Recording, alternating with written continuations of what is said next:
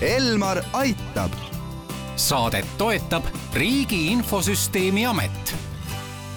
tere, head kuulajad, eetris on Elmar Aitab, mina olen Inge-Ala Virkus ja koos minuga on stuudios Riigi Infosüsteemi Ameti peadirektori asetäitja Joonas Heiter, kellega räägime sellest, millist väärtust annab Eesti inimestele riigiportaal eesti.ee ning kuidas aitab see lihtsustada inimese suhtlust riigiga. tere, Joonas! tere! Ma usun, et äh, tänaseks pole kedagi, äh, kes ei oleks kuulnud riigiportaalist eesti.ee, küll aga ma usun, et äh, on neid, kes seda ei kasuta või ei teagi, et mis selle eesmärk on, et kaheteistkümnendal märtsil kaks tuhat kolm avatud portaali peamine eesmärk oli informatsiooni jagada, on see täna sama? suures pildis küll jah, et meil oli eelmisel aastal kuussada kolmkümmend neli tuhat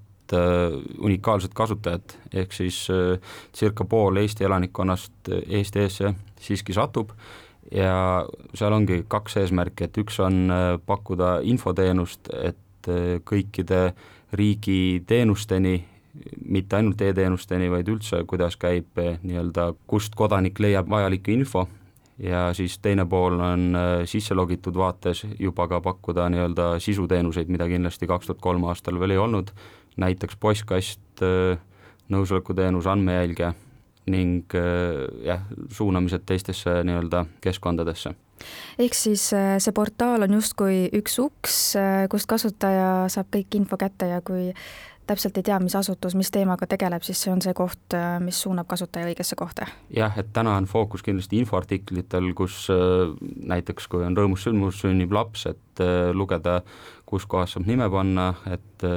kus kohalikus omavalitsuse veebis või klienditeeninduses saab äh, lasteaiakoha registreerida ja nii edasi, et äh, juhendmaterjal on kõik selles ühes kohas aga et kuhugi veebiportaali siseneda, kuidas eesti.ee-ga siis on, et kuidas sinna kasutaja teha saab ja kes seda enne kõike teha saavad? eraldi kasutaja tegemist ei ole, et see tuleb kaasa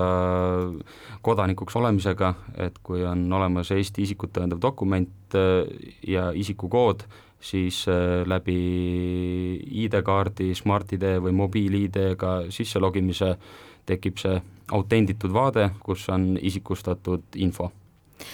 teisisõnu võib selle kohta siis öelda ka, et tegemist on portaaliga, mis aitab Eesti inimesel riigiga suhelda, et mida tuleks igal inimesel omalt poolt selleks teha, et läbi selle riigi saadetud teated siis temani ikkagi kindlasti jõuaks? Eesti lahutamatu osa ongi riiklik postkast, ehk siis isikukood at eesti.ee meiliaadress. Ja sinna saadetakse nii-öelda ametlikke teateid, et kas see on Covid vaktsineerimise kutse, on see parkimistrahv või midagi sellist,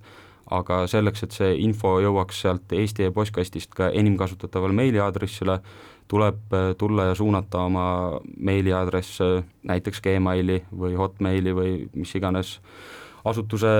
veebiaadressile. Ja tegelikult, äh, kui meil eelmise aasta kevadel oli suunatud circa nelisada tuhat äh, meiliaadressit, äh, siis nii-öelda Covid laine tuules sai teha ka sellise määruse muudatuse, Eesti e-määrust muutsime, mille tulemusena sai võtta rahvastikuregistrist seni riigil juba olemasolevad kodanike meiliaadressid ja me tegime selle automaatse suunamise inimeste eest ära. Küll aga tuleb alati parandada andmekvaliteeti, ehk siis äh, kui täna on kahtlus, et need äh, teated ikkagi ei jõua enim kasutatavale meiliaadressile, siis tasuks logida sisse Eesti E-sse, võtta vasakul äh, seal minu asjade menüüst postkast ja vaadata üle oma suunamisinfo, et kuhu ta täna on suunatud. Aga mis see peamine info äh, siis ikkagi on, mida ma sinna meili peale oodata võiksin, et natukene te juba nimetasite näiteks äh, parkimistrahvid ja kõik see, aga mis info veel? et äh, hea näide on info dokumentide kohta, Maanteeamet või Transpordiamet saadab olulist infot kas või kui autol hakkab ülevaatus aeguma, et kõik see e-riik on selles suhtes üks suur süsteem ja järjest rohkem asutusi kasutabki seda Eesti emaili aadressit äh, nende teadete olulise info kättetoimetamiseks. et äh, hea näide on äh, ka erinevad detailplaneeringud, mis puudutavad teie kinnistut, et alati tahetakse naabritega ühendust võtta, piisavalt vara teavitada ja kui ei ole suunatud, siis võib oluline info mööda minna. aga räägime natukene teenustele suunatud sõnumitest, mis nende eesmärk on? kui varasemalt oligi Eesti fookus olla infopakkuja ja ära kirjeldada, kuidas kodanik riigis ja e-riigis toimetama peaks, siis järjest rohkem tahame liikuda sündmusteenuste põhiseks. Kui näiteks sünnib laps ja tekib rahvastikuregistris uue isikukoodiga märge, siis ei pea minema inimene otsima erinevaid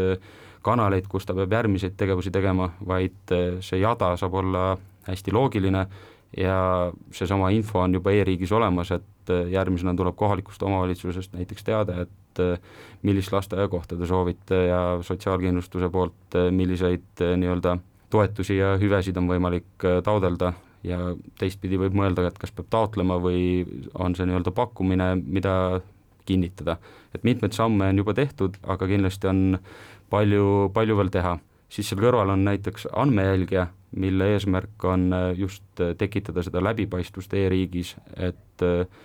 kui teie andmeid mingis andmekogus äh, päritakse, siis infosüsteem ehk andmekogu on tegelikult äh, põhimõtteliselt samad asjad ja kui need andmeid äh, päritakse, siis jääb jälg nii-öelda maha ja Eesti ees on siis eraldi andmejälgija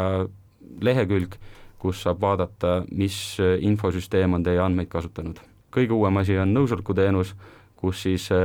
kodanik saab ise anda mingile startupile, asutusele, erasektori ettevõttele nõusoleku, et tema riigis olevaid andmeid, konkreetseid andmeid ja see on nagu ühekordne nõusolek, saaks kasutada mingi teenuse pakkumiseks. aga ma pean lõpetuseks veel küsima, et seda Mm, inimeste isiklikke andmeid, me oleme siin jooksvalt rääkinud ka, liigub ikka seal läbi selle keskkonna väga palju, et kindlasti on inimesi, kes näevad seda suure küberriskina, et kuna liiga palju tundlikku infot ja andmeid on ühte kohta kokku pandud, et eh, siis on see küllaltki selline haavatav sihtmärk, et kuidas te seda ära hoida püüate? see on, siin tuleb appi kogu e-riigi loogika, et eh, Eesti on selles suhtes valinud hea hajusa tee, et et kõik andmed on seal, kus nad kõige loogilisemalt peavad olema, et isikukood ja asjad on rahvastikuregistris, terviseandmed on vastavates infosüsteemides, Eesti.ee on kõigest see esitluskiht, mis siis peale sisselogimist teeb päringu nendesse infosüsteemidesse. Eesti.ee-s need andmed koha peal tegelikult ei salvestu, need päringud tehaksegi siis, kui konkreetse isikukoodiga inimene on sisse loginud ja siis see info sinna tekib ja samamoodi ongi selle hajusa e-riigi võlu see, et kui üks komponent eh, miskil kas tehnilise või mingi muu rikke tõttu on maas, siis tegelikult kogu see e ülejäänud e-riik eh, elab edasi ja kui Eesti E maha kukub, siis tegelikult kõik äriteenused ja kodaniku elu läheb edasi aga aitäh teile saatesse tulemast, Joonas Heiter Riigi Infosüsteemi Ametist ning palju jõudu ja jaksu teile! aitäh! Elmar aitab saadet toetab Riigi Infosüsteemi Amet